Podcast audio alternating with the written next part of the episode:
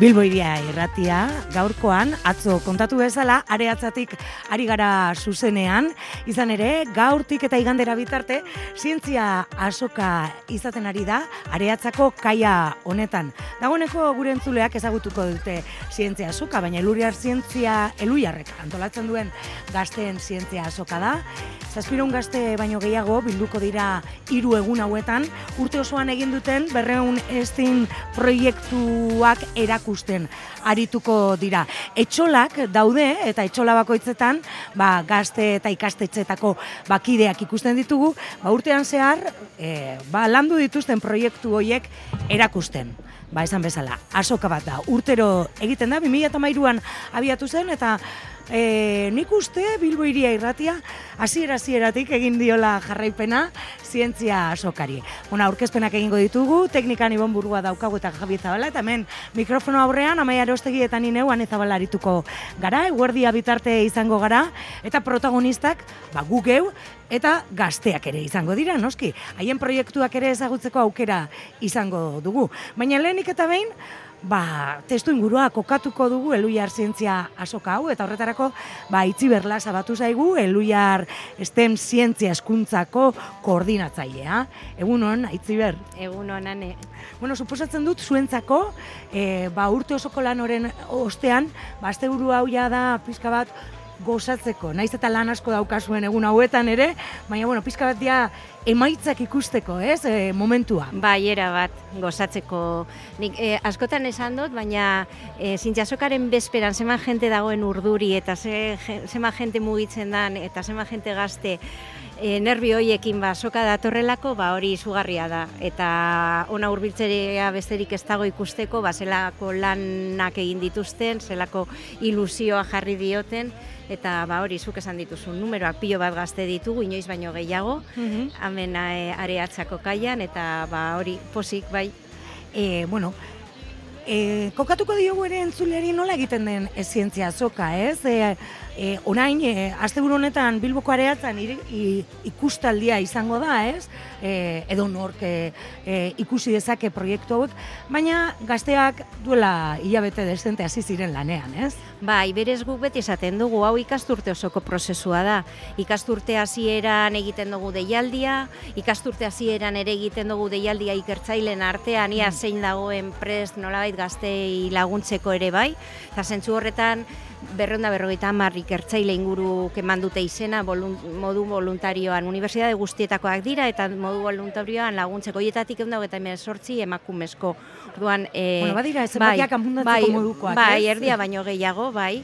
E, bueno, e, ikasturte hasieran irakasle batez ere mugitzen dira eta azten dira ikasgelan ba, erronkak eta bueno, inspiratzen gazteak aber zeren inguruan egin nahi duten bai, proiektua, gaiak aukeratzen, bai, e, eta hasiera hori izaten da, bueno, ba, bere denbora eskatzen du, erregaterako ere ba, beste, proiekt, beste urte batzutan egondako proiektuen inguruko online saioak egiten dira, batzuk bestei erakusteko, mm inoiz parte hartu ez duen horrek, badibidez, kopiatu desan edo e, moldatu desan beste batek aurrek urtean egindakoa ba, ikasgelan, eta horrela azten da. Mm gero bidean, e, ja behin proiektuak erabakita eta, ba, gazte talde bakoitzak aukera dauka ikertzaile batekin egoteko, eta e, horrekin ba, ikusten du non egiten duen lan, ze pertsona dauden hor, e, estereotipoak asko hausten dira, ze mm. badaukagu oraindik ere irudi bat e, zientzialariarena ez, oso estereotipatua, ba, gizona,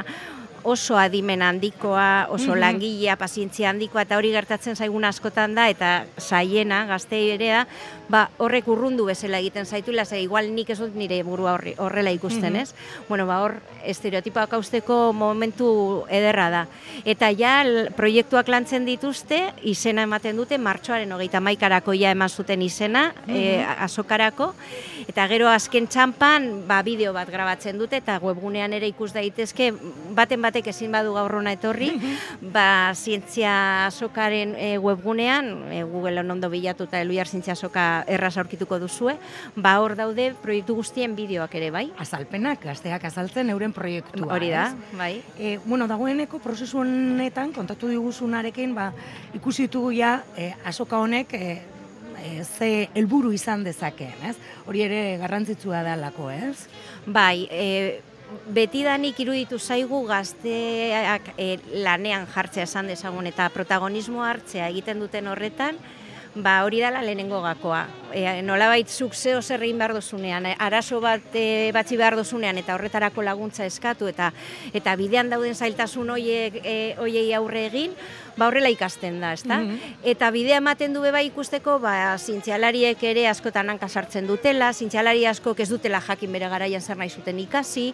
E, orduan e, bueno, hipotesietatik ere gero porrot egin daitekela, ez? Hori da, katxa, ez pentsatzea dalna, da, da, ma, pentsamentu magiko hau, ez? Da, dana da beste batzuentzat ba erresa eta bere mm. alakoa, ez? Ba, horrela jabetzen dira zer dan e, zientzia egitea eta orduan ba ba, bai, helburuak horrek e, euskeraren sustapena ere bai, e, baina eta batez ere zintziarekiko ba, urbiltasun hori, zintzia eta teknologiarekiko eta haren prozesuekiko urbiltasun hori. Eta, klaro, deinona etorrita, bueno, bai e, e, hitz egiteko garaian zelan soltatzen diren, edozein hizkuntzatan, zehamen giriak daude, orduan inglesez hitz egin behar badute, ba, inglesez ere bai, ba, bueno, zeharka ere gaitasun asko lantzen dira e, denborarekin e, e, hauek e, aldatu dina, helburuak e, 2008 abiatu zenetik zientzia zoka, aldatu dira helburuak, ero eraldatzen joan dira. Nik uste bai, ikasten joan garela, bai mm lehen hitz egiten zan zientzia bokazio, ez? Eta orain ere batzutan, baten batek hitz egiten du bokazioaz, ez? Bokazio hitzak adibidez daka konotazio be bai erdi e, e, e, ez dakit, ez, magikoa, ez da? Horain hitz egiten dugu gehiago identitatea, sistema, asmo profesional, ez, e, etorkizunera begirako zure burua nola ikusten duzun, eta joan gara gero eta gehiago ikasten, eta oro, oro zientziaren eskuntzan ikerketa gehiago daude, baseratako jarduerek eragiten duten hobeto horre helburu hoietarako. Orduan, igual hizkuntzan, igual e, e, helburu berdinak, baina bueno, matizak baditugu, ba ze mm. garrantzitsua dan emakumezko zientzialariak erreferente izatea, mm ze garrantzitsua dan adin txikiagotan astea, ze pisu daukan familiak, bai. e, alakoak joan gara ikusten eta orduan horretarako ba ikastetzeak eta irakasleak ere, bueno, ikastetzetako irakasleak ere hor badute ere, erantzunkizuna torre ere... Bai, eta kompromiso, egia da, bai. e, u, igual ni bai ikusten dut urte batzutan eh, hasiera batean igual irakasle militantzia handiago bat zegoen, ze bada lan estra bat eurentzako, eta dudarik gabe dira hemen protagonista nagusiak irakasleak, gazteak animatzen gazte laguntzen eta, e, oiek lagundu behar ditugu elu jarretik batez ere irakasleak, ze, e, baina nik esango nuke, bueno, ba, ari direla neurriak jartzen eta gutxika gutxika, ba, nola baita irakasle gehiagoren parte hartzea errasteko, ez? Eta, bueno, bide horretan guk ere egiten dugu lan gehiago, eta egiten ditugu, ematen dizkigu aukera gehiago, bidea errasteko, ez? Mm Zientzia azoka, ipatu dugun bezala, 2008an abiatu zen, e, azoka bera egun batekoa zan, baina, bueno, denborarekin, eta pasatu ditugunak pasatuta, ba, azoka indituz joan da, lekus ere aldatu egin da, plaza berrikoa gogoan dugu, baina badira urte batzuk e, Bilboko areatza honetan egiten dela, baina urten ere, ba, bestelako e, proposamen batzuk egin dituzu, ez? E, aurten ere Tolosan, Iruñan eta Kanbon, naiz eta hau asteburu hau handiena izan edo esango genuke, e, egin dituzu ere asoka txikiagoak, ez? Bai, e, tokikotasuna ere garrantzitsua da, maila lokalean ere eta gazteek eukitzea beraien plaza ba, etxetik urbil, ezta? Aur, e, hemengo gaurko asoka da nolabait azkena eta nagusia sariak hemen banatzen ditugulako.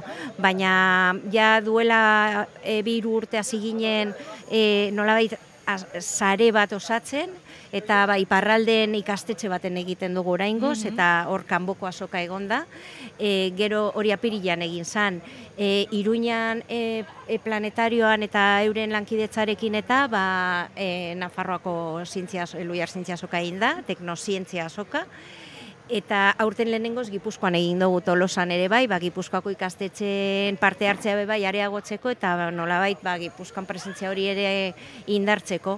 Eta emaitza da, azkenean alako asoka txikitan daudenetan hain posik egoten dira, gero danek galdetzen dutela eta bilbora joateko zer, ez? Zer, zer egin behar da, Bai, bai, ze, kosta egiten da lehenengo urrats hori ematea, bai irakaslei, bai gaztei danei, baina behin lehenengo urrats hori eginda, ba, ba posgarria da eta bizipena oso polita da. Gueskara dituak, baina aurreko urtean eta aurrekoan e, gai asko, landutako gai asko zeukaten zerikusia COVID e, pandemiarekin, ez?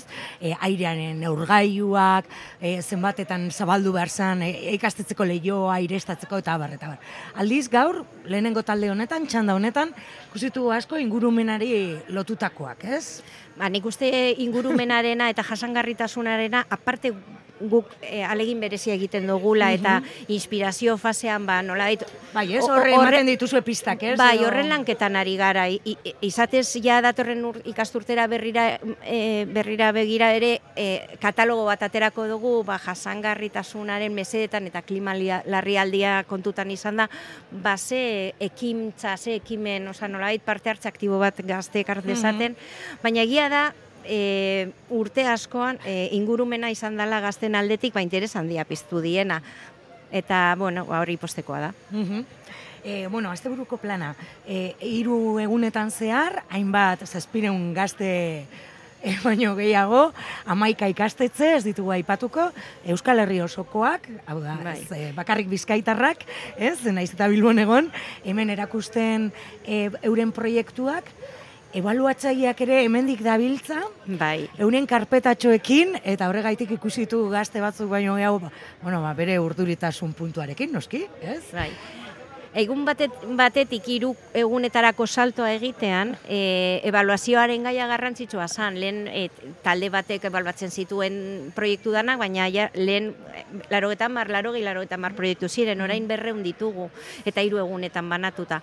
Orduan, bueno, lanketa berezia egin dugu aurten, errubrika bat prestatu dugu, errubrika bat da, ba, deskenean, e, e, adi, ebaluatuko diren e, puntu batzuen zerrenda eta mm. eta puntuazio jakin batzukin aplikazio bat landu dugu luiarretik eta orduan dazkagu irurogeta mabost ebaluatzaile hiru egunetan banatuta. Irurogeta mabost? Irurogeta mabost, hauek danak bai ikertzaileak. Ikertzaileak izango bai. direla, bai. unibertsitateko irakasle eta barrez? Hori da, e, bagu, e, edo e, zientzia profesionalak, edo ba, inguru honetan ba, pres daudena gazten proiektuak ikusi eta bueno, ebaluatzaile bakoitzak sei proiektu baloatuko ditu, e, olako zeo zer, eta holan proiektu bakoitzak eukiko ditu zenbait ebaluatzaileren e, puntuazioak.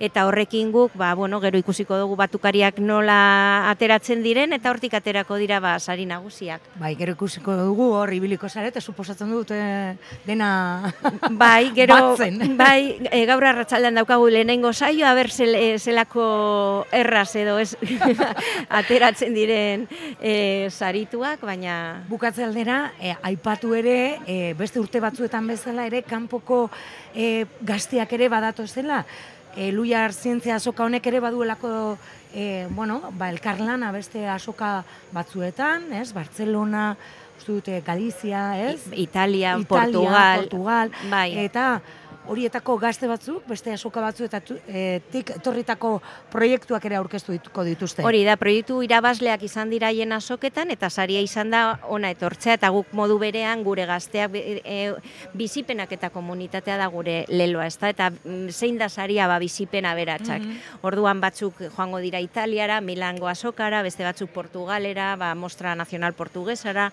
Esporrezerkara, Galicienziara, alako asoketara. Eta urten hemen ditugu e, gazte, beste kanpoko bekazte horiek ere. Nik uste hori oso oso aberazgarria da, tokatu zait e, gazteekin eh? joatea eure, eta izugarriz, osea, hor konturatzen zara, bazkenean zelako autonomia, zelako gaitasunak lantzen dituzten, eta ze aberazgarria da mm. neurentzako bebai, ba, gero hori, malako bidaiak egitea beraien proiektua defendatzeko. Orokorrean Europan horrelako zientza askoa daude, ezaugarri hauek dituzten, hau ja, ez, bai, bai. E, bai, bueno, e, eta gainera harremanetan gaude. Orduan claro. gutxika gutxika ia da e, nolabait sare. E, sare horretan batzuk beste aldetik e, mm. ikasten dugu. Garai batean uki genuen guk Europako proiektu bat hain zuzen ere mm Europako zientzia sokean antolatzailen artekoa, ba, gure praktikak konpartitzeko eta batzuk beste gandik ikasteko. Mm bai, badaude batzuk, e, nik uste dut mm, jatorriz, igual hau beba izan da ideia oso amerikano bat garai batean, ez? E, pelikuletan eta bai. askotan. E, nik uste, hemen ez garela izan, eta Euskal Herrian bereziki gara lotxatiak, eta unik uste kostatzen zaigu lateratzea izugarri, baina bai, azken urteotan bai ikusten da. Bai. E, baina egia da, ondino konstatzen dala, eh? Mhm. Bai. Bueno, hemen egongo dira, trebatzen, e, zazpiron gazte inguru, euren, e, bueno, urte osoan landutako e, proiektuak, ba, urbiltzen den edon horri, e, aurkezten, eta guen zuleari ere gonbitea lusatzen diegu, ez? Gaur ostirala, edo bihar larun bat edo igandean, bueltatxoa emateko. Bai, ziur- goizez. Goizez, e, Bai. ziur asko, e, bueno, barritu egingo direla e, proiektu askorekin edo ideia askorekin, ez? dudarik gabe. E, izan ere, guk bebai, e, ba, azkenean asoka posible egiten duten erakundeak na, nolabait eskatzen diogu etortzeko egun honetan, eta hori da modua lor, beraien kompromisoari Bai, eusteko. ez? Ze, dan, e, valorazio, oza, benetan e, ez badakazu zer egin, anetxean zauden hori, etorri ze izugarrizko ba, proiektuak ikusten dira eta polita da. Bai. Ba, hau esan da, eskerrak emango dizu aitziber, gu hemen geratuko gara guardia bitarte, eta orain bai, orain gaztei emango diegu hautsa. Ederto, mi esker zuei, eh? Bai. Javi.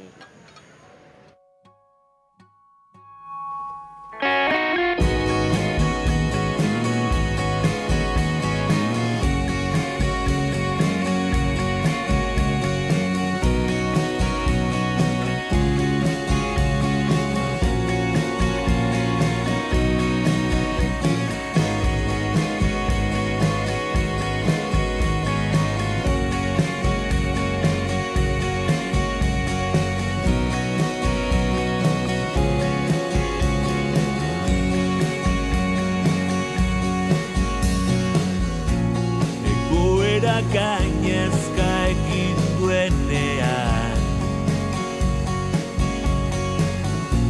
Kabitzen ez den urtan da jauztean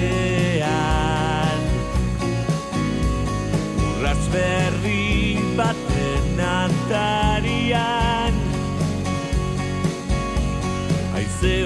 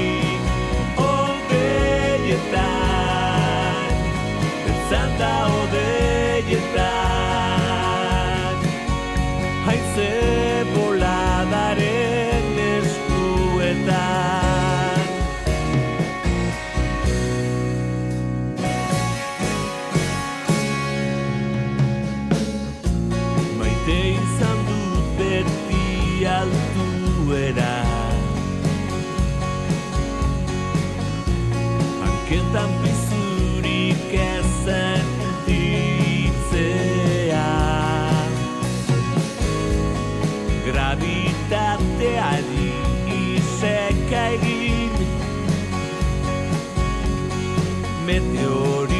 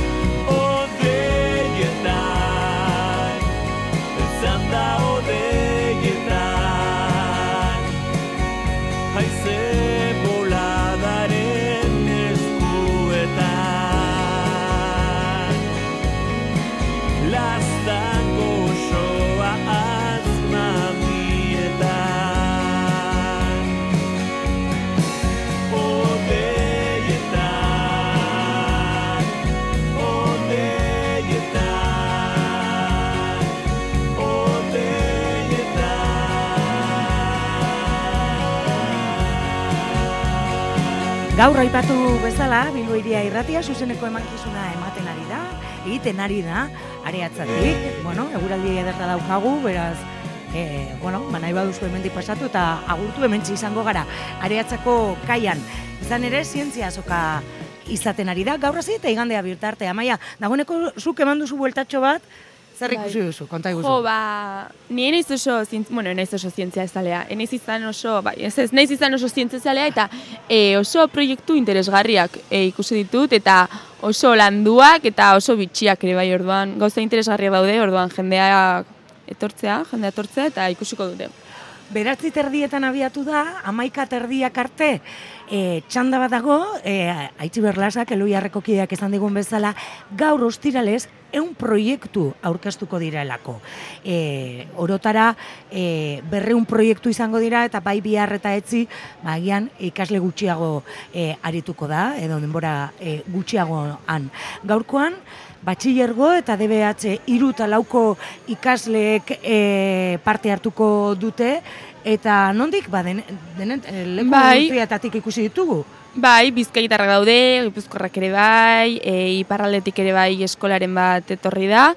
Eta gero, bueno, badaude e, italiar batzuk, e, gaialego batzuk eta Bartzelonako neska bat dago. Orduan, Mhm. bueno, toki guztietatik. Amaika terdietan, lehenengo txanda bukatzean, orduan izango du sasoia, ba, hemen, e, etxolatu hauetan izan diren proiektu batzuk ezagutzeko, eta dagoeneko ikusten ari gara, bigarren txanda, amaika terdietan, e, txanda aldaketa dutelako, proiektu batzuk jaso, eta beste batzuk jarriko e, dituztelako, ebaluatxaileak topera ibili beharko dira gaurkoan, eta, eta orduan izango dugu, ba, gazteak hemen, e, irurogei ikastetxe, zazpireun gaztek hartuko dute parte, eta berreun proiektutik gora egongo dira ikusgai, e, asteburu osoan zehar. Eta esan bezala, ba, ustirala egun e, bandiena, edo esango genuen, proiektu gehien erakutziko den eguna izango da, eun proiektu eta erakutziko dira, ba, deatzi terdietatik eguerdiko ordubiak, bitarten. Beraz, e, segi, laster eta emango diogu ongi etorria gaztei.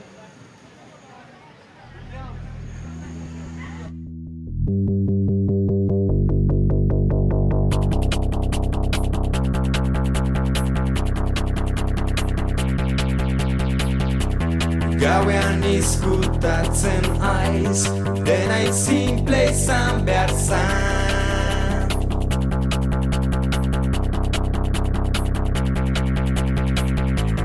Horrako inoren zai Ireko harta da da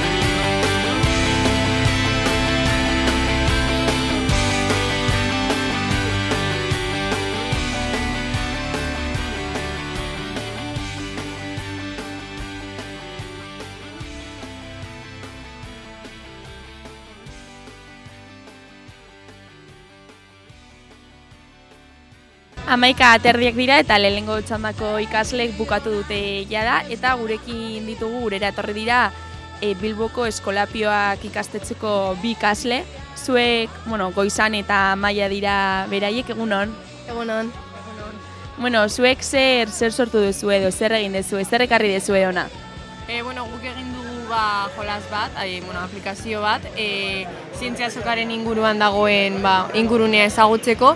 E, gure lehenengo ideia zen ba, eskolan egitea jolasa, ba, umeek, e, e, LH-ko umeek ba, e, eskolako ingurua ezagutzeko, baina gero ba, e, gauza, jokoaren gauzak aldatu ditugu eta zientzia azokara ba, eraman dugu.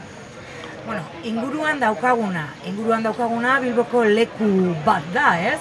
Beraz, eh, agian eh, esplikatu egin behar diguzue jolasa zertan dan, ze galdera bat eh, planteatzen zenuten, zuen etxolatxoan zenukete. Zenbat dakizu Bilboren inguruan?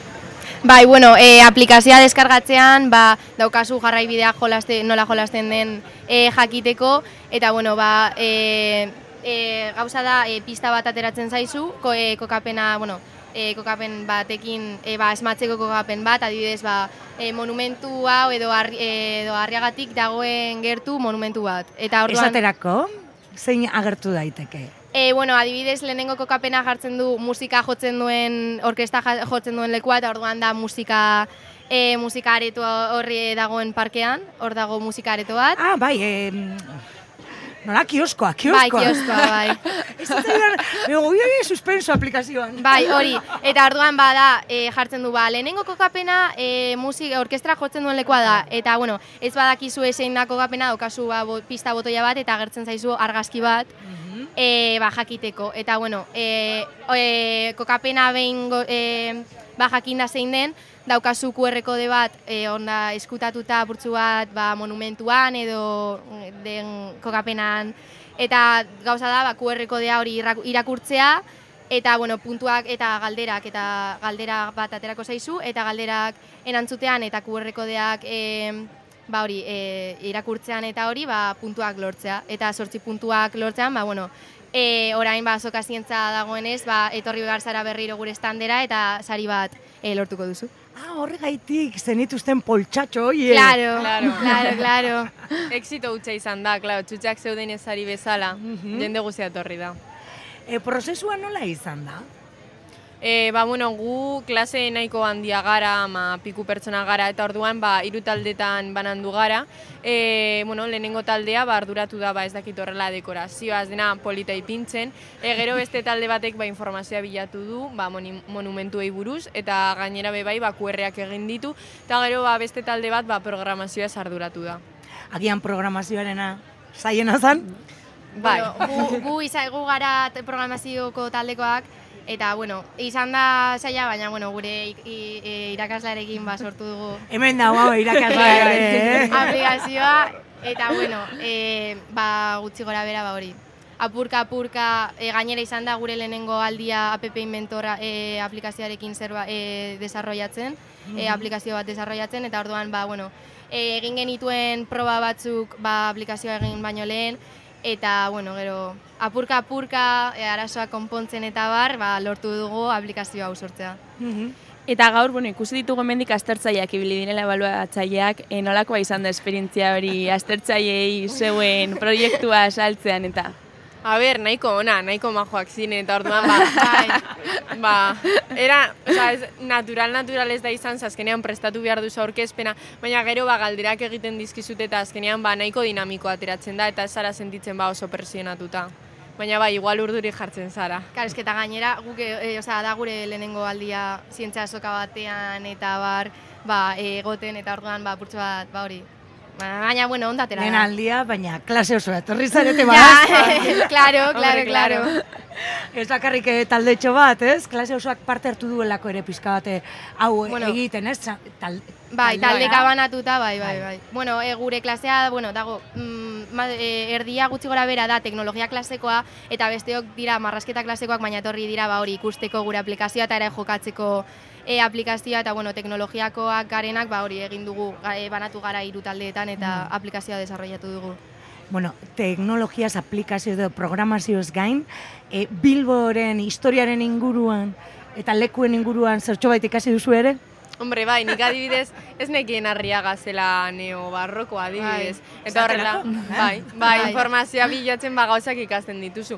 Ze gainera, ba, monumentuetan askotan, inoiz ez zara gelditzen eta irakurtzen dituzu bertan dauden kartelak edo. Bueno, hori egiten dugu agian eh, beste hiri batera Bai. joaten garen, Bai, bai, ez gure da. hirian, ez? Gure irian Claro. bertan ez dugu egiten hori. Orduan, ba, era batera edo bestera, ba, ikasi dugu.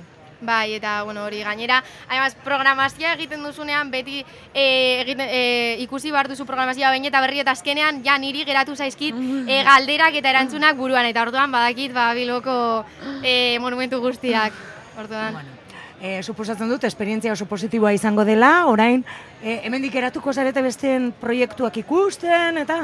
Hombre, claro, kriston nivela dago eta azkenean bai jendeak egin ditu gauza, gauza oso interesgarriak. Adibidez talde batek egin du ogia eta ba oso gozoa zegoen, orduan. Ja, probatu duzu, eh, orduan hori ere bai. Bai, estanetatik joan zaitezke eta kontatzen dizute oso ondo. Mhm. Ezin izan dugu gu kamaia eta nik eh, ogia dastatu, jende asko zeukan etxola horrek. Baina tira, Bilboren inguruan zertxo bait gehiago ikasi nahi baduzue, ba, bueno, zientzia azokara hurbildu, Bai. eta e, ba, eskolapiok ikastetxeko e, ikasleek egindako aplikazioan jolastu. Bai. Eta sari bat nahi baduzu ere. Karo, karo, horretarako sortzi puntu, eh? Sortzi puntu Bai. lortu behar dira. Bai. Ba, goizan eta maia eskerrik asko, eta gozatu egunaz. Eskerrik asko. Eskerrik asko.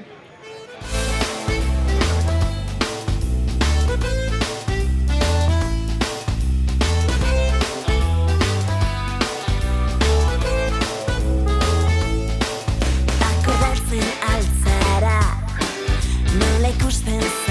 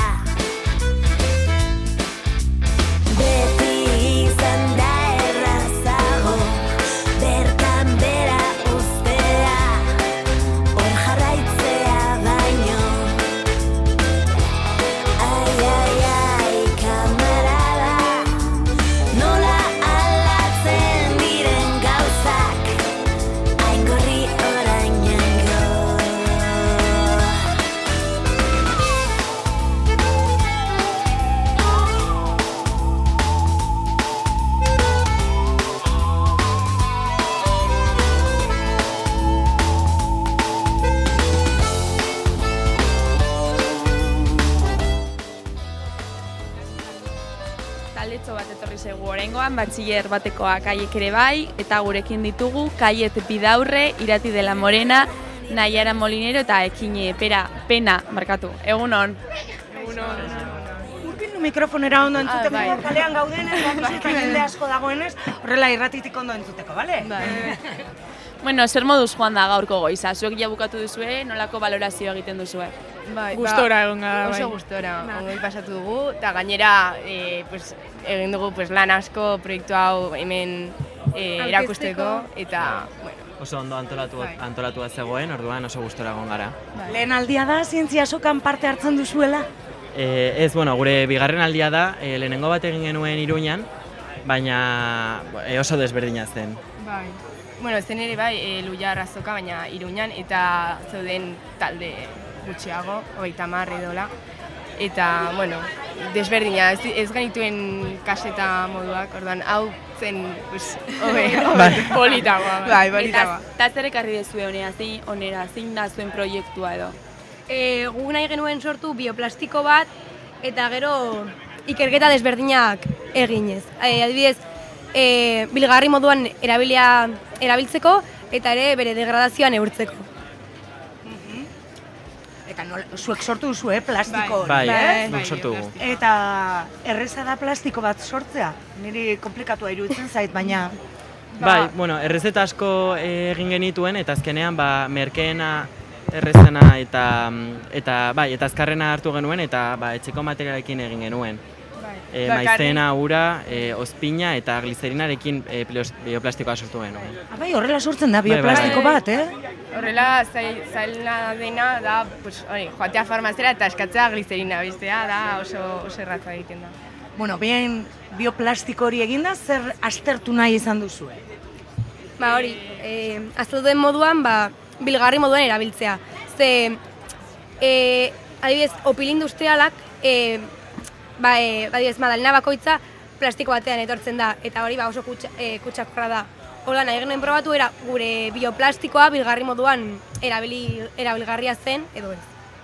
Horretarako, e, ikerketa bat egin genuen, e, ordua, e, bat utzi genuen bere jatorrizko plastikoarekin, beste bat bilgarririk gabe eta azkenekoa gure bioplastikoa bilgarri moduan e, utzita. Orduan, e, hau, hamar egun pasata, ireki genituen, eta ikusi genuen gure bioplastikoa zeukana, e, goiko kapa bai zegoela pixko bat gogortzen, baina oraindik biguina zegoen eta zepore honea.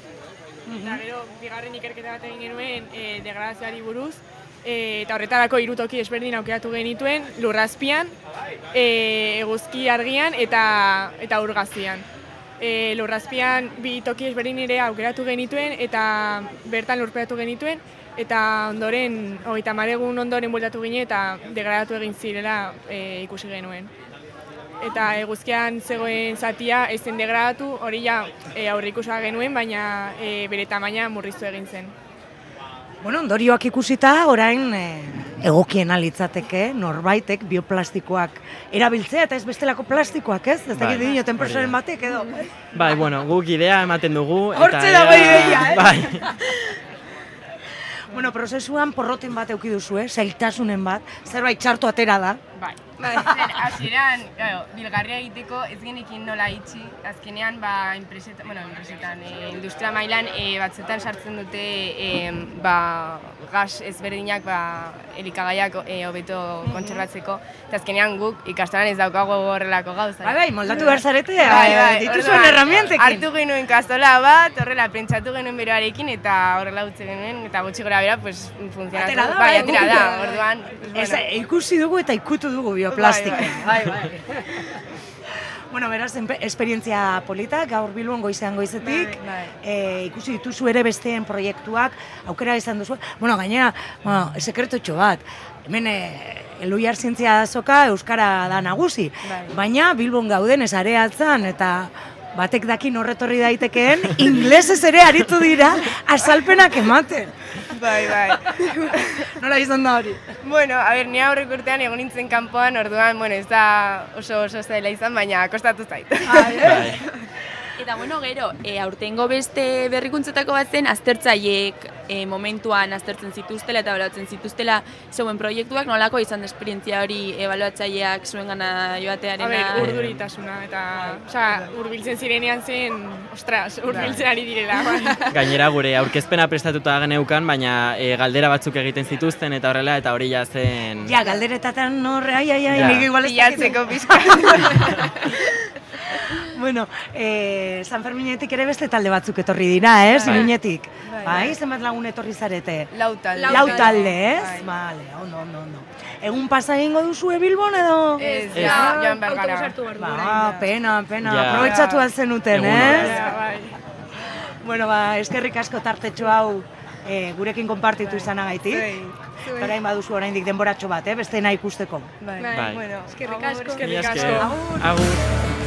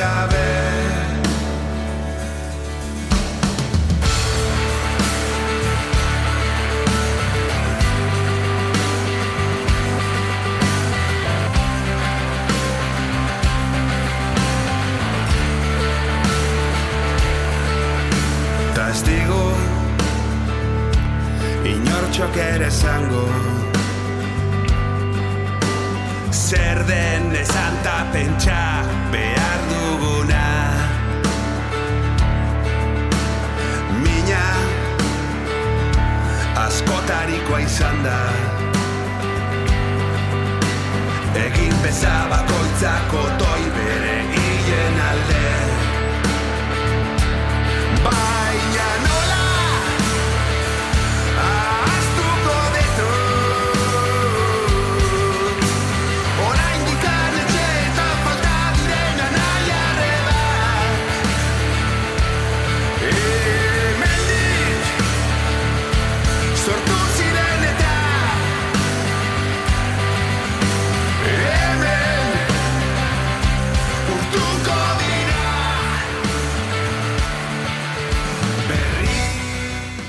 Aipatu dugun bezala, zientzia sokan, Iruñako talde ezberdinak etorri dira, e, San Fermin ikastolako lau talde izan dira, lehenengoa e, izan dugu aukera, e, beraiekin hitz egiteko, eta autobusa hartu, hartu aurretik, baiune agirre, horreaga altzorri eta eukene erregeiro, batu zaizkigu, Esan bezala, San Fermin ikastolako e, e, ikasleak dira, eurak ere, ba, proiektua egin dute, zientzia azokarako.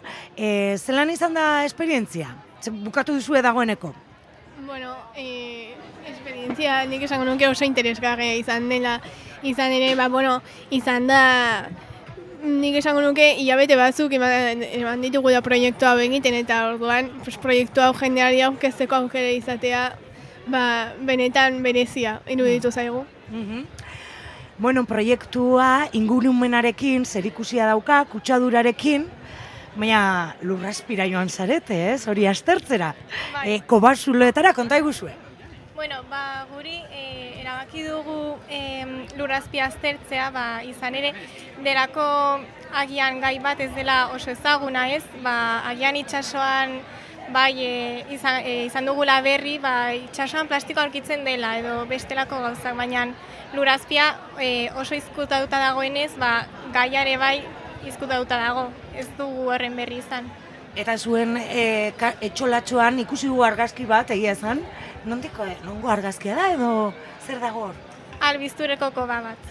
Bai, dago e, tolosalde, tolosalde ondoan dago albiztur herria, eta e, herri horren ondoan da, dago koba, eta hor atera genuen argazkia. Zuek gugan zineten argazkia ateratzera. Bai, Bai. eta hor egon ginen, eta bai.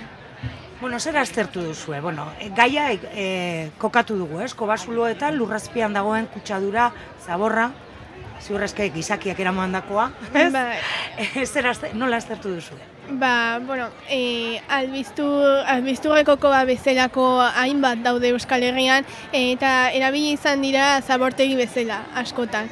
Albizturrekoan zehazki bai ikusten duguna da ba, baserritarrek erabili hori izan dutela zabor, e, zabor guztia pues, anbitegiratzeko. E, ikusi ditugu ezurdura asko, animali ezberdinak, e, botatzen dituztelako ara e, ilostean, eta ba, noski baita ikusi duguna da ba, denetaniko zaborra. Ikusi ditugu, ba, ikusi ditugu frigorifikoak, ikusi ditugu karruajeak, ikusi ditugu baita ere ba, kotxeen atalak eta antzekoak. Eta ikerketa izan da han zegoena, e, bazakit, e, izendatu, ikusi, eta ze proposamen edo ze ondorio edo... Bueno, ba, e, guk egin genuna izan da, e, hortikan, e, kobazulotik ura hartu genuen, ikusteko aber ze ura kutsatuta zegoen edo ez, eta gero ere e, hartu genituen e, kobazuletako faunak. Animalitxo batzuk ba, ikusi nahi genuelako ere bai, kutsadurak ze impactu duen ba, hango biodibertsitatean. Eta zer ondorio estatu duzue? Impactua badu, ez?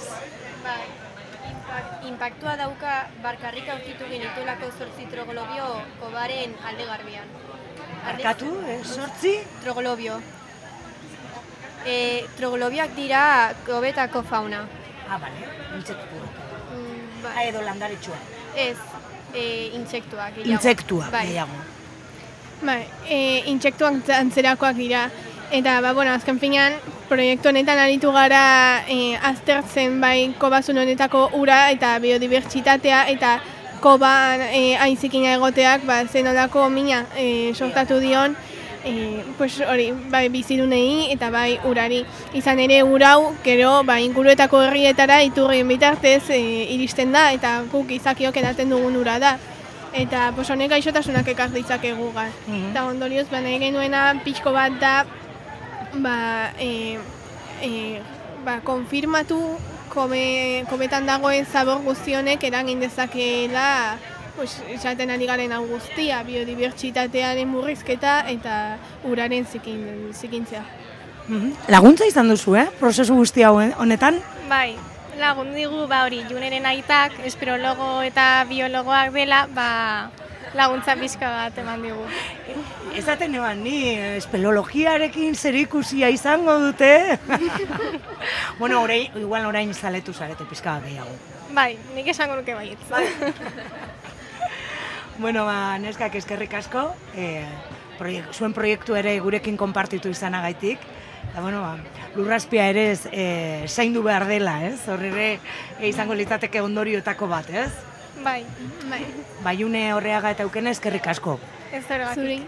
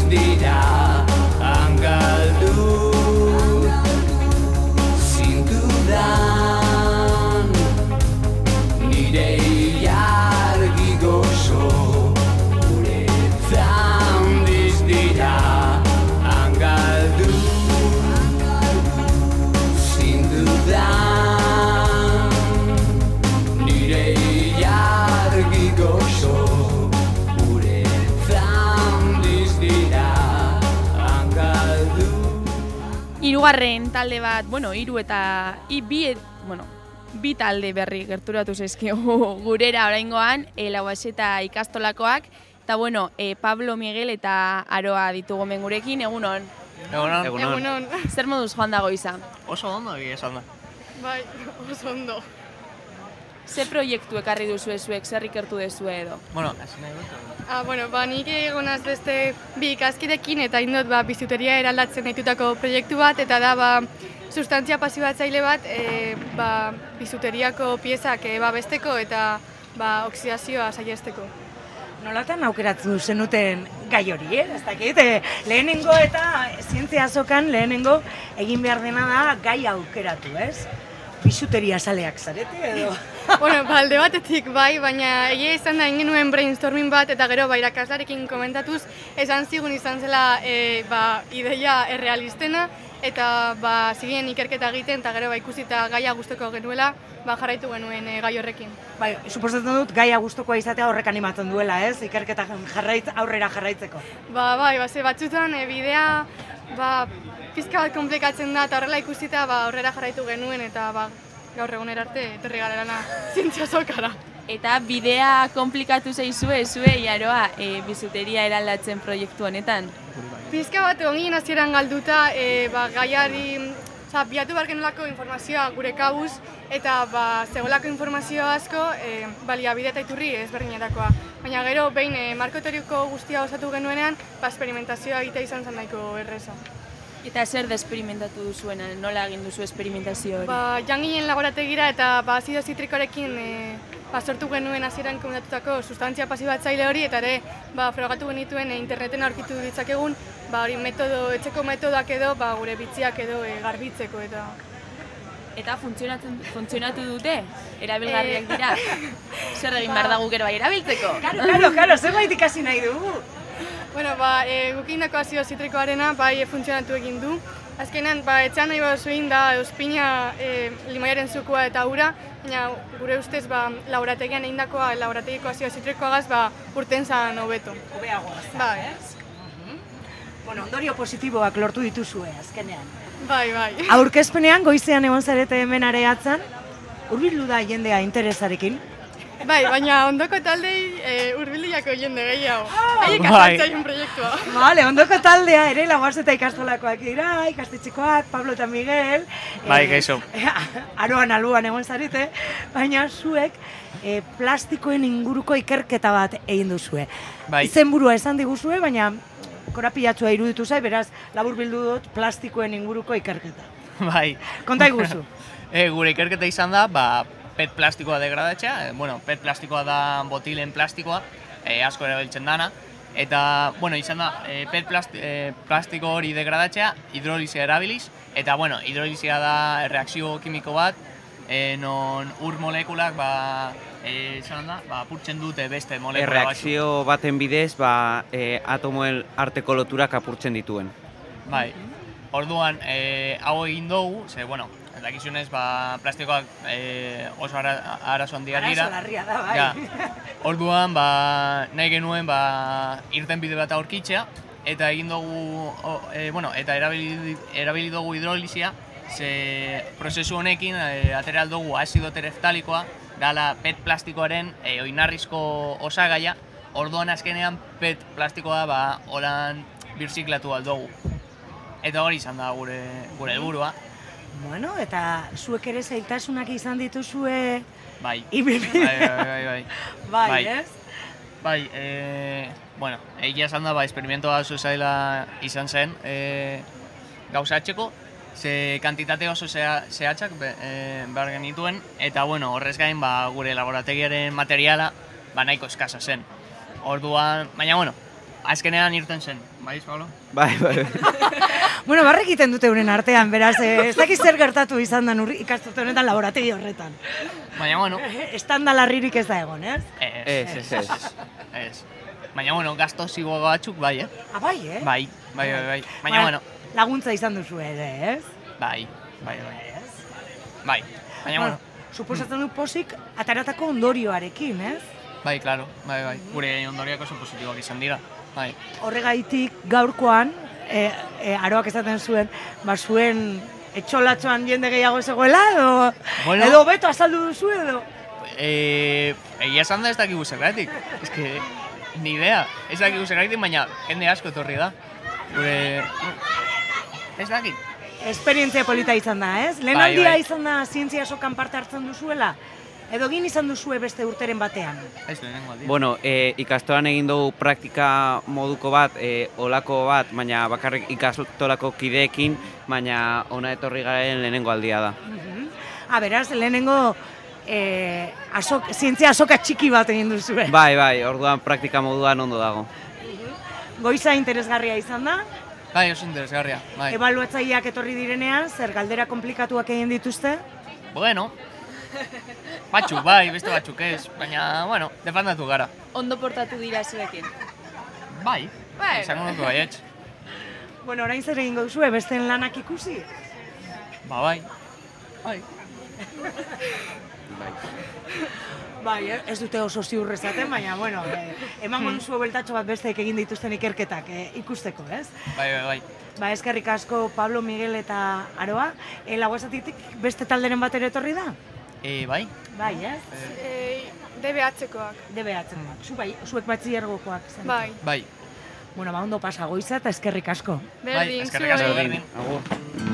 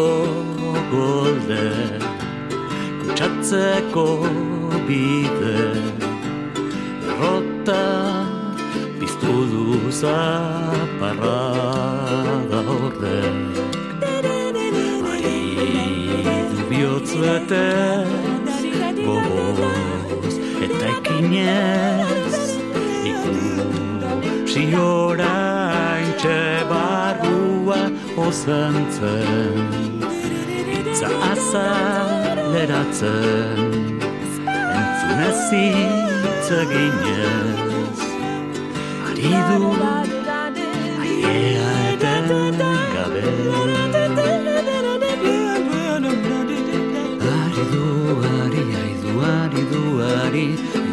Aidu, aridu, ari, aidu, aridu Ari, aidu, aridu, ari, aidu, aridu Ari, aidu, aridu, ari, aidu, aridu Ari, aidu, aridu, ari, aidu, aridu Ari, aidu, aridu, ari, aidu, aridu Ari, aidu, aridu, ari, aidu, aridu Ari, Basauriko Uribarri ikastetxeko bi talde e, etorri zaizkigu oraingoan, Aizane irati gilen, talde bateko kideak, eta irate, irati eta iratxe beste taldeko kideak egunon. Kaixo. zer moduz joan dago iza? Ondo. Oso ondo. Posi geratu zarete egindako lanarekin? Bai. bai. Bueno, a ber, e, aizane irati eta gilen. Zer da zuek egin duzuena? Ze proiektu karri duzue? Ba, gure proiektua izan da prototipo bat, e, karro baten prototipo bat, nola gauzat leku batetik bestera mugitzeko, e, ikusi dugulako jendea gero eta arazo gehiago dituelako sorbaldan eta hori murrizteko. E, gure proiektua dela karroa, mugitzen da tablet baten bitartez. Eta e, tabletan aplikazio bat egin dugu, non e, botoi batzuk ditu eta bakoitza e, seinal bat bidaltzen du beste plaka arduino deitzen dena. Eta plaka hori programatu dugu, e, seinale batzuk bidaltzeko motorrei, nema amazazpi deitzen direnak, eta horiek pues, e, aurrerantz, atxerantz edo eskumarantz edo eskerrerantz joaten dira. Labur bilduta, ez litzatekela pertsona bat behar karro hori mugitzeko. Bai, bakarrik tabletarekin mugituko zen. Hori da. E, zergaitik aukeratu gai hau? E, no, claro, normalean, ez, proiektu aukeratzea erakoan, suposatzen dut, ideia, bueno, saparra da bat egongo zala, eta, bueno, zergaitik karruarena. E, ze ikastetxean ikusi genuen irakasleak e, pisu asko daramatzatela. Orduan, pentsatu genuen, pues... Liburuak eramaten, eta bai. abar. Eta horrela, pues, pisua ez eukitzeko eta tablet baten bitartez, pues, karru bat eramateko. Prototipoa erabiliko duzu ikastetxean? E, saiatuko gara, baina gure ideia da e, e, hobekuntzak egitea prototipoari pisu gehiago e, jar, jarra izateko. Bueno, behin gaia e, aukeratuta, ez, zergaitia eta, bueno, ase funtzio bete beharko, beharko luen, bidean ze zailtasun euki dituzue karro prototipo hau egiteko aplikazioa eta abar. Arduino programan, program, programatzairakoan, e, arazo batzuk izan ditugu, ze ez genekien non zegoen arazoa, baina azkenean e, plaka e, erreta zegoen, eta berriro e, programa egin behar genuen, eta horrela. Eta izan duzue laguntzari, kanpotik edo norbaitek lagundu dizue proiektu honekin? E, bai, irakasle batzuk. Eta orain esan diguzunagaitik, gaur aurkeztu duzu hemen, zientzia azokan, baina lanean jarraitu nahi duzue, karro hori benetan erabilgarria izateko uribarri ikastetzean. Bai, gure ideia da e, gurpilak daude konektatuta motorera, baina gure ideia da egitea e, beste modu batean e, konektatzeko ez, osea, ez motorera, bak, baizik eta e, kotxe bat bezalakoa. Egin eta horrela pisu gehiago aguantatuko zuen. Ikusten duzue lortuko duzuela. Saiatuko gara. Saiatuko zarete, ez? bueno, zelan joan dago iza. E, batu da jendea, urbildu da etxolara Bai. jendea. Jende asko etorri da eta galdera asko egin ditu. Bueno, hori interesgarria da, ez? Hori da, bueno, piztu duela interesa prototipo honek, ez? Bai. Bestetik ikastetxe bereko beste bilagun ditugu ere, beste talde batekoak irate eta iratze dira, basauritarrak ere eta uribarri ikast, ikastetxekoak ere. Eta, bueno, neurotransmisioen inguruak eta emozioen inguruko prototipo bat egin dute ere. Baina, bueno, nik eskatuko diot iratiri hobeto azaltzeko. Ez? Izan ere, eurek, eurek landu dute. Egunon lehenik eta behin bioi, e, irati konta iguzu, zer izan dan landu duzuen? Ba, egunon, ba, bai, osea, gure ideia zen, batez ere hezkuntzaren bitartez, ba, emozioen kudeak eta eta hezkuntza emozionala sustatzea. Eta horretarako, ba, bueno, iker, ikerketa lan asko egin behar izan dugu, zeren gu teknologikoak gara, eta ba, bio, biologiakoa, ba, bueno, ez da gure atara. Baina egin duguna da, ba, bederatzi zakatzaile programatu, eta e, zakatzaile bakoitzari neurotransmisore edo eta hormone, ba- hormona bat dagokio. Zeren da, e, hormona, osea, hormonak, e, sentimenduak eratzen dituztenak, emozioak. Eta e, zakatzaile hauek e, zapaltzean e, bidaltzen da seinale bat e, egin dugun app bat, osea, appera, eta bertan kirritan egin dugun, kirritan da e, diseinatzeko programa, margosteko. Eta argazki hauek, e, segun eta zein zakatzaile zapaldu, agertzen dira, badibidez, adrenalinako zakatzailea dela laranja.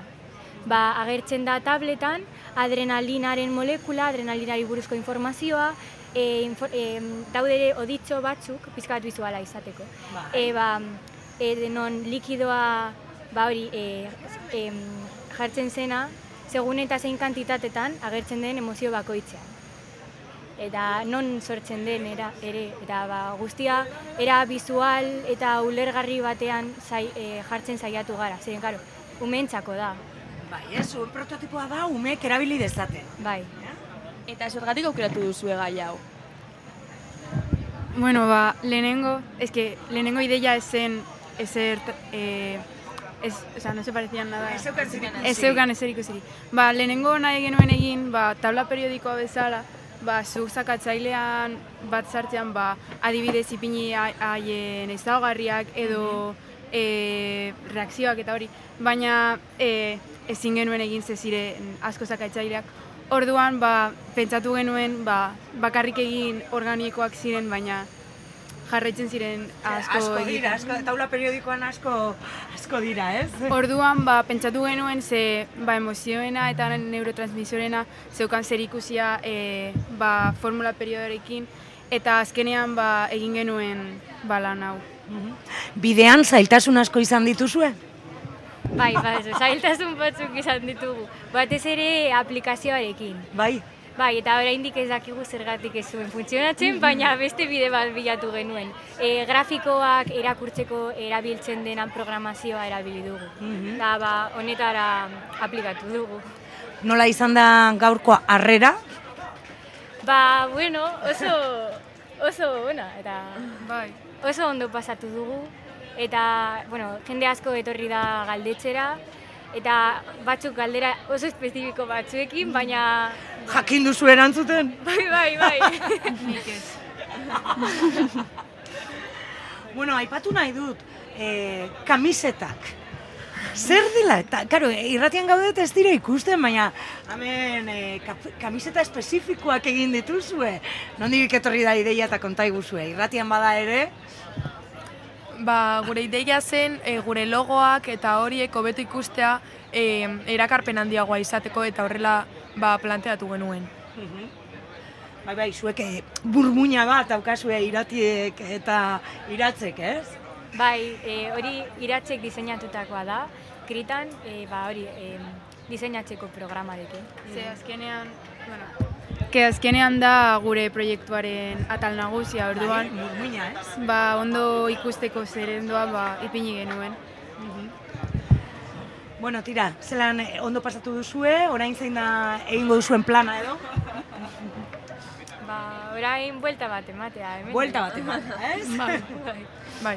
Eta beste proiektuak ikuste eta galdera saiak egin agian. Bai, bai, hori, hori pentsatu dugu. Ba, eskerrik, az, eh, eskerrik asko, e, aizane, irati, ginen, irati eta iratxe. Zuei.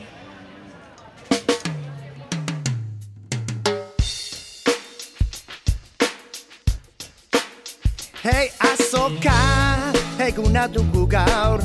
Hu, hauzoan, nire balkoitik entzuten da. Burnien arteko zaratak, atontzen postuak ornitzen Zentzuen ospakizuna, koloru zaiak Hu, ez natzerako prezena. Azoka eguna, hauzoan, jende guztia gortzen da elkar Nire ikendoa jako arreak Munduari bira irun herrian Azoka eguna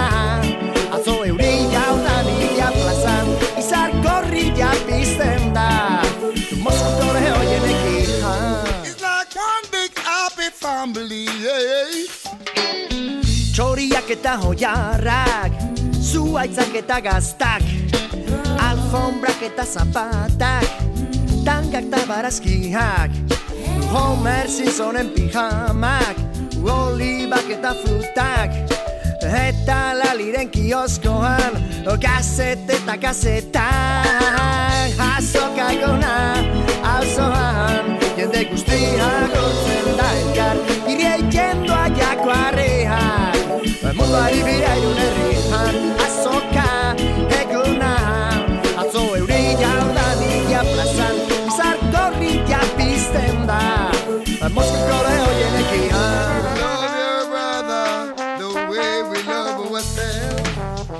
Gernikan bombardak Azoka eguna izan zen.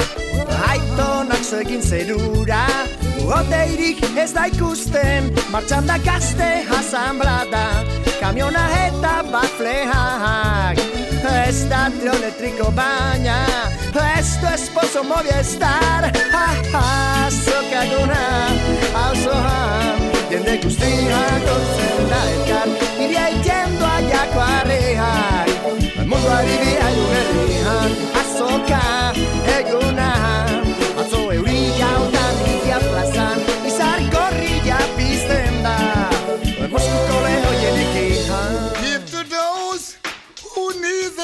behind.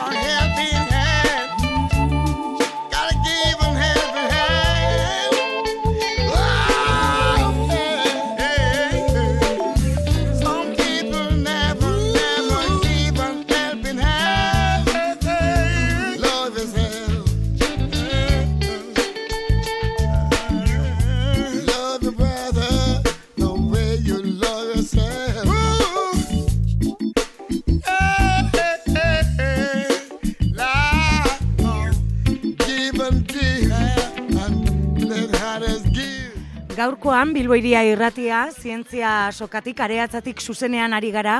Aipatu dugu goizean goizetik, e, zazpireun ikasle baino gehiago bilduko direla hiru egunetan zehar. Ia proiektu gehienak gaur ostiralez aurkeztuko dira, eun proiektu e, inguru aurkeztuko dira gaur. Lehenengo txandako taldekoek ja bukatu dute, orain bigarren txanda abiatu da, eta ba, hainbat e, talderekin hitz egiteko aukera izan dugu. E, aipatu digute luiarretik, e, goizean goiz abiatu dugunean, ba, iparraldeko e, lagunak ere etorri direla, eta ba, haien bila joan gana, ere, eta Kanboko Salvador Kolegioko bi ikasle batu zaizkigu irratira, Katixa eta Amane, eguerdion. Bueno, e, bi etorri zarete urbildu zarete bakarrik irratira, orain, e, izan ere etxoletan orain zuen kideak topera dabiltza, ez? Zenbat lagun etorri zarete, e, lanketa e, ikasgela osoak egin duelako, ez? Konta iguzu. Bai. Ebe, hasi ebe, gai desberdinak landu ditugu, batzuek e, be, nerabeak eta e, sare sozialak hain ezberdinak gira. Eta guk hori landu dugu. Beraz, e, ukan dugu galdetegi bat, irugarrenek, laugarrenek eta bosgarrenek. Eta barginen bete e, be, eguneroko galderak ziren. Eta gero, e, be, emaitzak, e, emaitzak konparatu ditugu eta bilana bat egin dugu. Mhm. Nola aukeratu zenuten gaia? Be... Dira ukan ginoen galeteki bat bosgarrenean uh, hori buruz, beraz gero uh, laugarrenean berriz egin dugu eta be hori zen gaia. Mhm. E, zuek nola zer landu duzue? Uh, nik nire taldearekin landu dugu eh, Instagram aplikazioa. Mhm. Beraz, sare sozialen inguruan egin duzue lan batez ere? Bai. bai. Kezka daukazue horrekin, erabilpenarekin edo edo kezka dago? Uh, Sobera. Eta zer, zer aztertu duzue Instagramaren inguruan? Uh, Bosgarrenan zenbatek irabiltzen zuten, gero laugarrenan zenbatek eta hirugarrenan zenbatek, eta hori konparatu dugu uh, gure artean. Eta gero adibidez zenbatek storiak egiten zituzten, eta bosgarrenean, laugarrenean eta hirugarrenean. Eta ondorioren bat, eh, kontatu aldi guzu?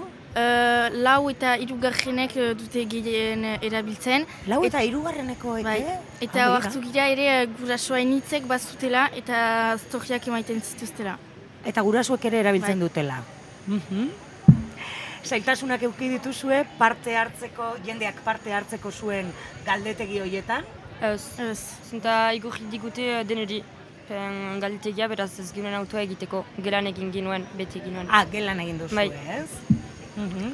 Eta zuen e, ikerketan ze ondorio? E, guk, guk ginuen hizkuntza sare sozialetan, eta be em, e, ikasleek, e, ustut e, euskaraz e, dituzte sare soziala, baina ere frantsesez gehienek, eta helduek e, kasik denek e, frantsesez dituzte sare sozialak eta telebista begiratzen ere. Ondorio hauekin, gero e, lanketaren bat egingo duzue kolegioan? E, be egin ginuen deia. Egin zenuten ja? Bai, hor egin, gaur aurkezten duguna, e, aurkeztu ginen deia gure kolegioan. Gurasoen aintzinean. Bai. Eta, ze, ze, ze erantzun jaso duzue? Be, interesatuak ziren. Bai, ongi pasa da. Bai. Bueno, orduan gaurkoa ez da lehenengo aurkezpena, ez da? E, ja egin duzu, e, Bai. Orduan lasaiago etorriko zineten. Bai. Bueno, ez dakit lasaiago, aurkezpena egitera, baina irratira ez dira bat ere lasai etorri. Hori ere egia da. Zuek ja dagoeneko bukatu duzu edo gero hasiko zarete? Ez, hor, eh, gero. Bai. Gero. Ados, ba, gero hurbilduko gara etxolara, eh? Aber nola estaltzen diguzuen, eh? Ados. Eskerrik asko, egun osoa geratuko zarete gaur Bilbon? Uh, bai, zain sartuko gira biak inguru. Barkatu? Biak inguru. Biak inguru sartuko gira. Oso ondo. Bueno, ba, animo, eta gozatu ere, besteen Bai. eh, ikerketakin ere. Bai, bai. esker. Esker.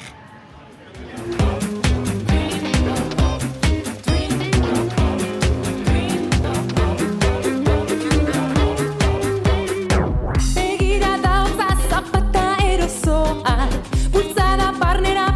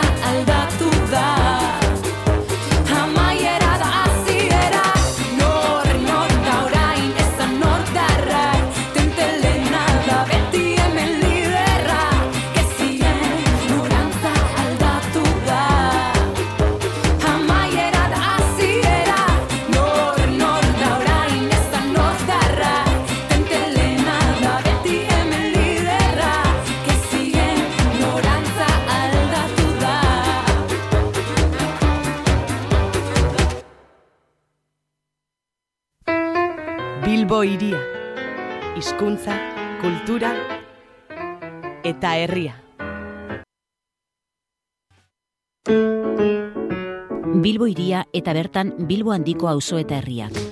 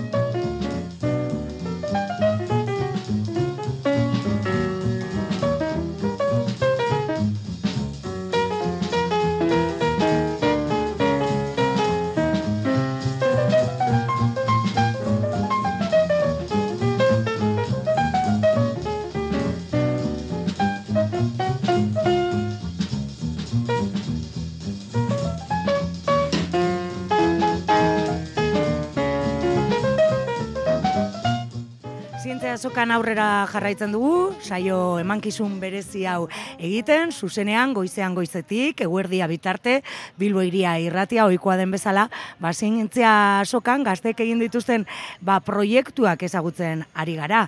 Eta orain gazteizera joango gara, edo gazteizarrako esan da, Bilbora etorri dira, euren proiektua hemen azokan ezagut, ezagutzera, eta ekialdea e, ikastetxetik e, bi lagun batu zaizkigu, Alai eta Andoni, eguerdion. Eguerdion. Bueno, lehenik eta behin, zelan e, izaten ari da esperientzia? Bueno, ba, bastante ondo. Berria ez dugu inoiz egin hau, así que... Ba, Lehen aldia da beraz. Bai. Bai, bai, eta momentuz oso ondo, bero asko egiten du, baina dena oso ondo pasatzen ari dugu, eta perfecto. Bai. Perfecto, egun polita pasatzen ari zarete, lehenik Bai, eta bai, behin. bai, bai. Baina hau kurso osoan landu duzuen gai bat izan da, orduan, bai jakin nahi dugu zuek ze proiektu egin duzuen.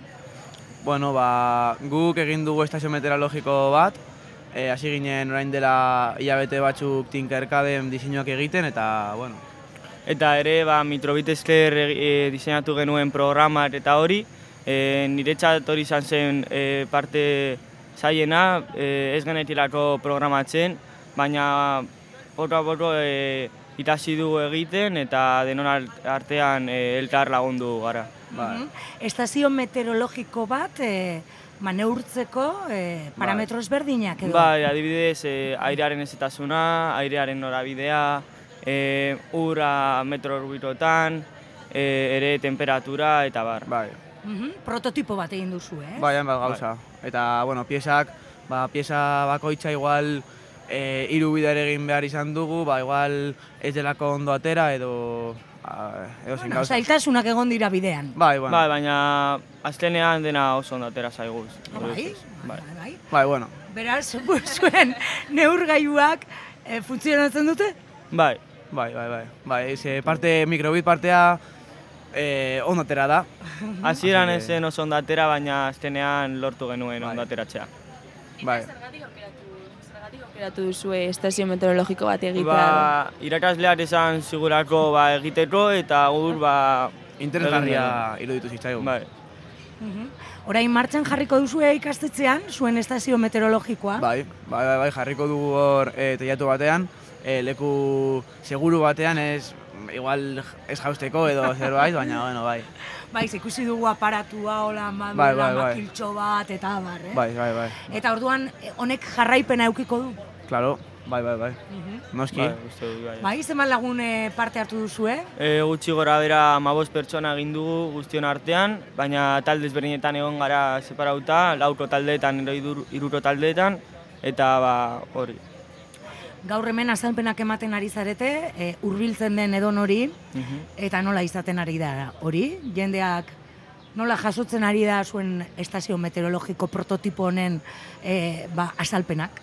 Ondo, bueno, gu saiatzen gara oberena egiten eta batzuk ulertuko digute, beste batzuk ez, baina bueno, lehen etorri da bat, eh, esan diguna espertoa dela ba, ez, diseinatzen, osea, programatzen eta horrela. Aha, eta? Así que, bueno, igual horrek horri ez, ez zaio asko gustatu nola esan dugun, ze espertoa zenez, bueno, baina, bueno. Jakituria gehiago igual Bai, sekuen, bai, ez? bai, bai, Baina- bai. Seguruenik bai. Aztertzaileak ere badabiltza hemendik. Aha. Etorri dira edo ikusi dituzue? E, bai, irusi ditugu, baina oraindik gure taldera ez dira etorri, baina gure ikastetxeko beste talde batzuen gaino, bai. Bai, eta hor zer, horrez alpenako beto eman behar dira edo zer? Bai, bestela igual ez zaizu hain beren baloratzen, eta ba, saiatu behar zara zure hoberena ematen. Nola, pre- eh, aurkezpena prestatu duzue ikastetxean, aldez aurretik? Bueno, bideo bat egin genuen, e, ba, orkesten, baina ez da, ez da berdina. Osea, hemen naturalagoa da bideoan baino, ze bideoan presentazio bat bezala zen, osea, orkespen bat zen. Mhm, Bideoak zientzia sokako e, webgunean daude ikusgai, zuenak eta denenak, Bai, bai, ez? bai, bai. Bueno, e, aukera izan duzue beste ikastetxeek eta beste gaztek egindako ikerketak ikusteko. Oraindik gu ez gara, ez gara mugitu gure txabolatik, eta... Etxolatik, Bai, txabola etxo- ere izan bai, daiteke. Bai, etxolatik. Baina orantxe, orantxe joango gara pizka bat aztertzera. Bueno, ba, e, gozatu ezazue, gaur egun osoa egingo duzue Bilbon edo zein da plana? Ez, e, iruak arte egon, ga, egon gara hemen. Irurak arte, ez? Bai. Bueno, orduan baduzue oraindik ere, Bai, bai, bai. hemen gozatzeko eh, Bai. denbora. Orain denbora asko daukagu. Balai eta Andoni eskerrik asko ez dizuegu denbora gehiago lapurtuko, ia Bueno, aztertzaileak etorriko zuei. diren, ez? Bai, Bai, bai, bai, bai. A ber. Zerik asko. Agur. Agur. Agur.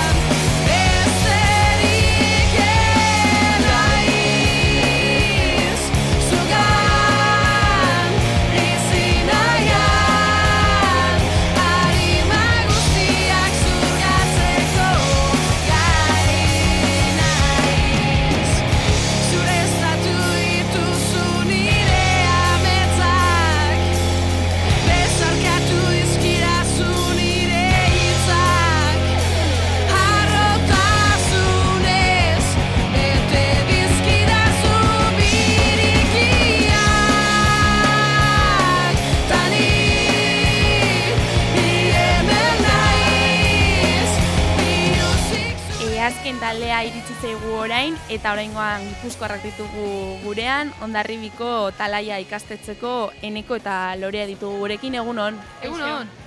Zer moduz hasi duzu egoiza, orain, orain dela gutxi hasi duzu zuek, nola joan da? Ba, oraingo nire ustez bastante ondo. Etorri zaigu hola batzu baztertze da taula, eta ustez ondo jantzun dugula galderak eta hola, induten, hola. Lehenaldia da zientzia azokan parte hartzen duzuela? Ez, joan Tolosako azokara. Tolosako azokara, ez? Bai. E, ezberdina, ez? Tolosakoa eta gaurkoa. Bai. Bai, txikitxoagoa zen tolosakoa. Bai, eta baita, pues aztertzerakoan eta hola ziren nahi zorrotzakola. Hai, ez bai zen inspektoreak eta hola pasatzen zirena, pero... Gaur zorrotzak izan dira. Bai.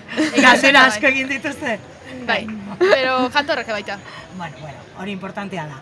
Zuen proiektuaren edo ikerketaren e, izenburua energia eskuragarria eta ez kutsatzailea. Hori Bai. Bueno, zer aztertu duzue? Bueno, guk aztertetu denuna da, ba, zin den gure energi berriztagarria uberena gure ikastalarako. Adibidez, e, ba, bigarren batxillerrekoak egin zuten lan bat horren buruz. Eta guk hartu genuen, ba, eskutxetzaileak eta hola. Hau da, guretzat hoberenago eta naturarako. Eta aztertu genuen bi energizadora hoberena gure tokirako. Eolikoa, zegoela gaudelako mendi batean eta azkenan izia jotzen du asko eta hola, eta lortzen dugu. Ika, e, ika- ikastolaren kokapena gaitik. Bai. Vale. Eta e, guzki plakak. Ja dakogula, pero nahi dugula jarri gehiago ba. Gehiago, ez? Energia gehiago Bai. autoko, e, autokontsumorako. Hori, hori deitze zaio energia berdia azkenean. Bertan egita eta bertan kontsumitzea. Mhm. Eta, e, oiek biak aztertu dituzu eta gero zer gehiago, ze gehiago landu duzue? Ba, nahi duguna egin azkenan da, e, eskola, bueno, e, nekok esan duen bezala, gure eskola nahiko altu dago, eta ematen dio haize asko. Eta nahi duguna jarri da, haien, zuaitze oliko bat, e, eta gero ondoan kaxeta bat, e, jartzeko hor mugikorrak eta ordenagailuak kargatzen. Ah. Energia berdea erabiliz. Bai, eta orduan zuaitz eoliko hori ere esan izango, e, ba, bueno, e, bueno, ikusten ditugun eoliko horrelako makila handi horietako Hori. bat bezala, ez? Zerbait txikiagoa edo pentsatu duzu edo? Bai, 6 metroko Bueno, altuera metro. izango Ba- badira, badira, metro. Eta, e, baina hori, da, osea, bueno, ez da, osea, un dia besteak bezala. Eta, Orduan kalkulatu behar izan duzue, zenbait aize dago eta e, prototipo horrek e, zenbat energia sortuko lukeen, da, ez? Bai. bai. Eta gero kokalekua ere. E, Bueno, guk egin dugun proiektu hau, e, bidasoa lanbideziketako irakasle zein ikaslekin, eta beraiek ari dira egiten como benetako zuaitza eta gukari gara egiten hori prototipoak eta hola, eta kokapena pentsatzen. Eta orain pentsatu dugu jartzea en, zuaitza ba, leku batean ematen diola nahiko aizea. Osea, beraz proiektuarekin aurrera jarraituko duzu, ez da hemen Bai. geratuko den zer, e, erreal bi- bilakatuko noski duzu.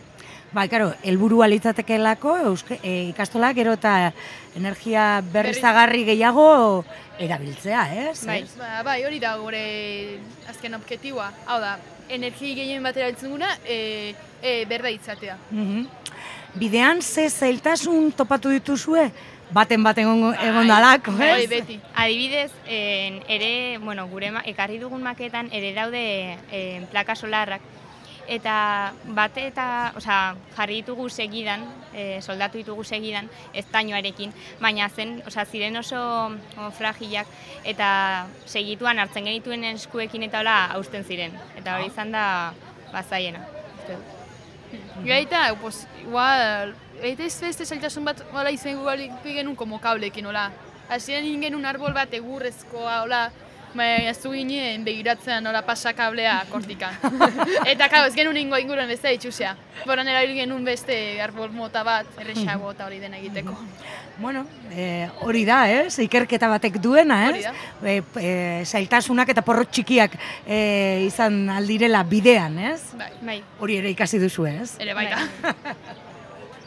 Bueno, eta gaurkoan, hori, aztertzaileak, zuen e, azalpenak eman, eta besteek egin dutena ere ikusi duzue? Aukera izan duzue? Bai. E, Eta? joan gara ikustera. Badaude bi edo hiru gehiago hori plaka solarrekin ere. Bai, ez? lanean. Gai hau e, Aztertzen. Bai. aztertzen. Bueno, interesa dagoelako, Bai. ez? Hoi azkenean hori da, azkenean interesatzea jendia. Hola energiako zen joan aurrerantz eta aztertzea gauz gehiagola. Hori Mhm. polita da, azkenean gertatzea. Bueno, erronka handia daukazu, ez? E, hemen esan dugun bezala ez da bukatzen zuen proiektua, zuek eh, martxan jarri nahi duzuelako. Beraz, e, bueno, ikasturte honetan ez, datorrenean ere izango duzue lana, ez? Bai, Ba, bai, bai. Nahi dute jarri, ba, horri irai artean, pues nahi dute ja hasi prestatzen ja tokiak eta hola, eta ja, pues, aztenean ja trimestea hola, urte berria, ja jartzea arbola eolikoa. Mhm. Eta hortxe, e, mugikorrak eta ordenagailuak e, kargatzeko lekua. Bai. Bai. Mhm.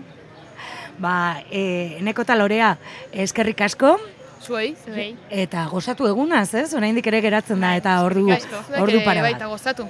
Eskerrik asko. Zuei. Zuei. Agur. Sortu ginen enborberetik Sortuko dira besteak Burruka hortan duten zubaitzardaska gaztea.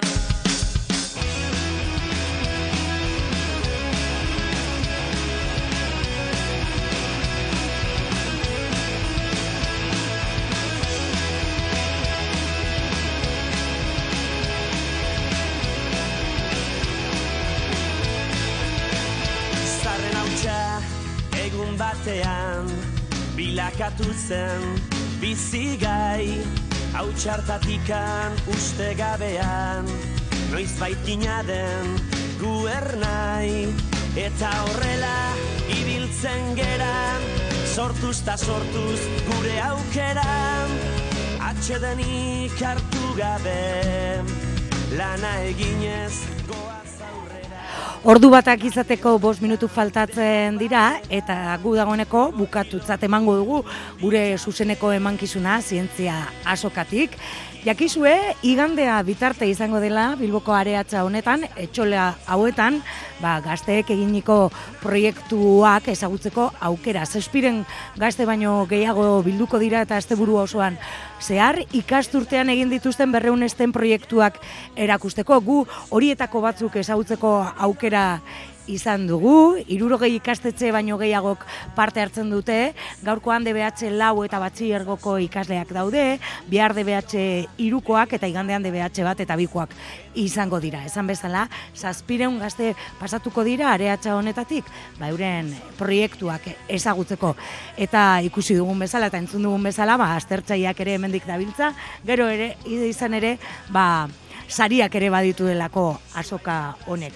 Gu dagoeneko bukatutzat emango dugu saioa, asko ikasi dugu ez da maian. Izugarri oso proiektu interesgarriak eta bitxiak.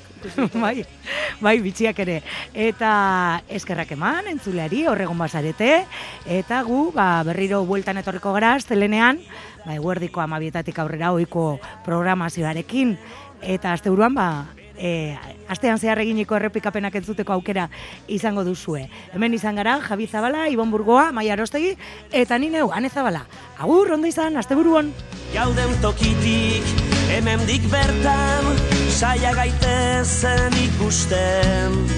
Ametxeroak bazterturikan, sasi zikinak, bingo zerreta, bideon bat aukeratzen.